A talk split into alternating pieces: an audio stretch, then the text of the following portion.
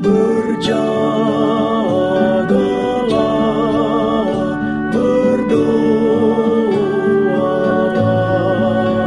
siang malam berjaga dan berdoa. Mari bersama Radio Advent Suara Pengharapan mengikuti pelajaran Alkitab melalui audio Sekolah Sabat. Selanjutnya kita masuk untuk pelajaran hari Senin tanggal 29 Mei. Judulnya Kebohongan Lama Tentang Kekekalan. Mari kita mulai dengan doa singkat yang didasarkan dari Lukas 17 ayat 1. Yesus berkata kepada murid-muridnya, Tidak mungkin tidak akan ada penyesatan, tetapi celakalah orang yang mengadakannya. Amin.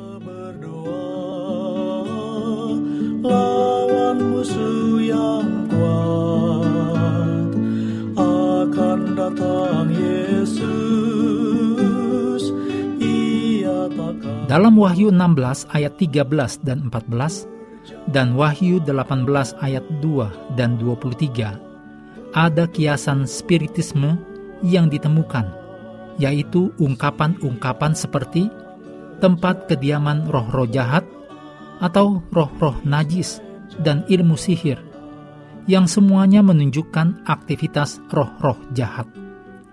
Tidak heran kita telah diperingatkan bahwa dari dua penipuan besar di akhir zaman, salah satunya adalah kekekalan jiwa. Anda boleh lihat dalam Ellen G. White Alpha Omega Jilid 8 halaman 617. Tentu saja, itu sangat mudah dilihat sekarang ini, bahkan di dunia Kristen. Gagasan tentang jiwa yang abadi atau kekal adalah doktrin pokok Kristen. Banyak orang Kristen percaya bahwa pada saat kematian, orang yang diselamatkan naik ke surga dan yang terhilang turun ke neraka. Betapa sering, misalnya setelah penginjil besar Billy Graham meninggal, kita mendengar bahwa Billy Graham aman sekarang di surga dalam pelukan kasih Yesus atau sejenisnya. Hal semacam ini diajarkan sepanjang waktu dari mimbar, di ruang kelas, dan terutama di pemakaman. Dalam pengkhotbah 9 ayat 5, Ayub 19 ayat 25 sampai 27, 1 Tesalonika 4 ayat 16 dan 17, dan Wahyu 14 ayat 13. Tuhan memberikan instruksi yang jelas kepada umatnya tentang kehidupan setelah kematian, yaitu tidur yang tidak tahu apa-apa.